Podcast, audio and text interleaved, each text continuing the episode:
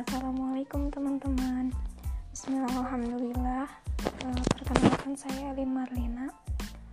Uh, di sini saya akan membahas sedikitnya mengenai virus karena di tengah keadaan yang sangat tidak memungkin, memungkinkan ini akibat uh, virus yang sedang viral mungkin ya sekarang yaitu COVID-19.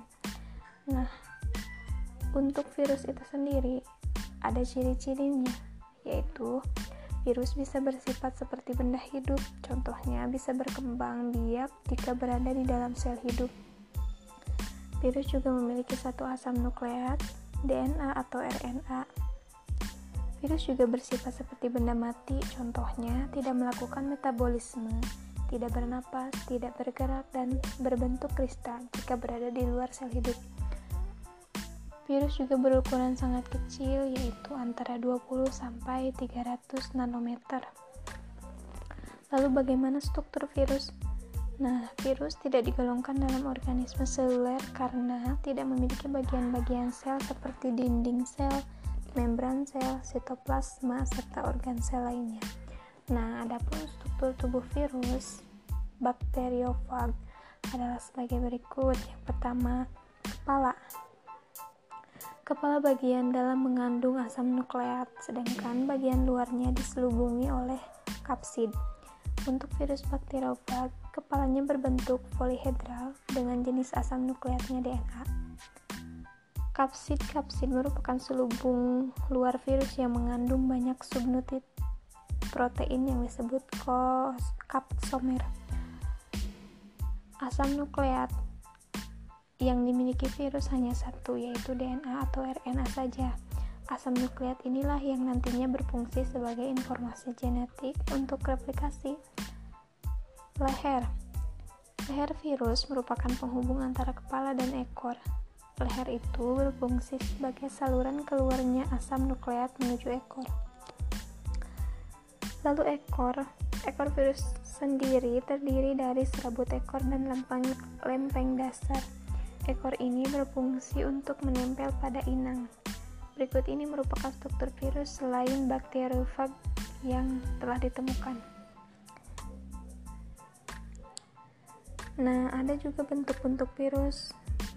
Yang pertama ada berbentuk batang. Contohnya kayak TMP, tobacco, mosaic virus. Terus berbentuk batang dan berujung oval seperti peluru, contohnya Rabda, rhabdovirus berbentuk bulat contohnya HIV, human immunodeficiency virus dan orthomyxovirus. Terus virus juga ada yang berbentuk filamen, polyhedral dan berbentuk seperti huruf T. Contohnya bakteriofag, yaitu virus yang menyerang bakteri Escherichia coli. Lalu bagaimana cara hidup virus?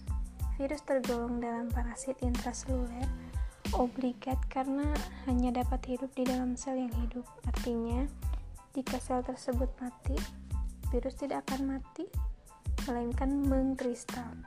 Sel hidup yang ditumpangi virus disebut ina, sel inang. Bagaimana virus eh bagaimana virus mengenali inangnya? Yaitu menggunakan sistem blockade atau kesesuaian Berdasarkan jenisnya, sel inang dibagi menjadi dua, kisaran inang luas dan kisaran inang sempit. Virus dengan kisaran inang luas bisa menginfeksi beberapa inang, contohnya virus flu burung bisa menginfeksi unggas, babi, dan manusia.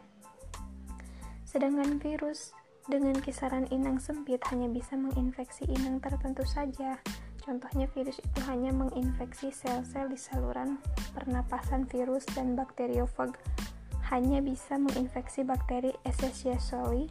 Penularan virus dari satu ke inang yang lainnya bisa melalui udara, lendir, air, darah, atau melalui perantara seperti nyamuk.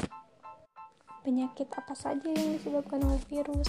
Nah, ada penyakit yang disebabkan oleh virus baik pada manusia, hewan, dan tumbuhan adalah sebagai berikut. Yang pertama, cacar variola disebabkan oleh virus jenis orthovirus. campak disebabkan oleh morbillivirus dan AIDS disebabkan oleh HIV yaitu Human Immunodeficiency Virus dan flu disebabkan oleh virus influenza atau influenza. Eh, lalu flu burung. Flu burung disebabkan oleh HPAIV yaitu High Pathogenic Avian Influenza Virus dan rabies disebabkan oleh Rhabdovirus Tetelo disebabkan oleh virus NCD. Lalu ada mosaik. Mosaik disebabkan oleh TMP atau tobacco mosaic virus. Mungkin itu untuk pemaparan eh, mengenai virus. Eh, terima kasih yang sudah mendengarkan. Eh, ditunggu eh, pemaparan selanjutnya. Terima kasih. Assalamualaikum warahmatullahi wabarakatuh.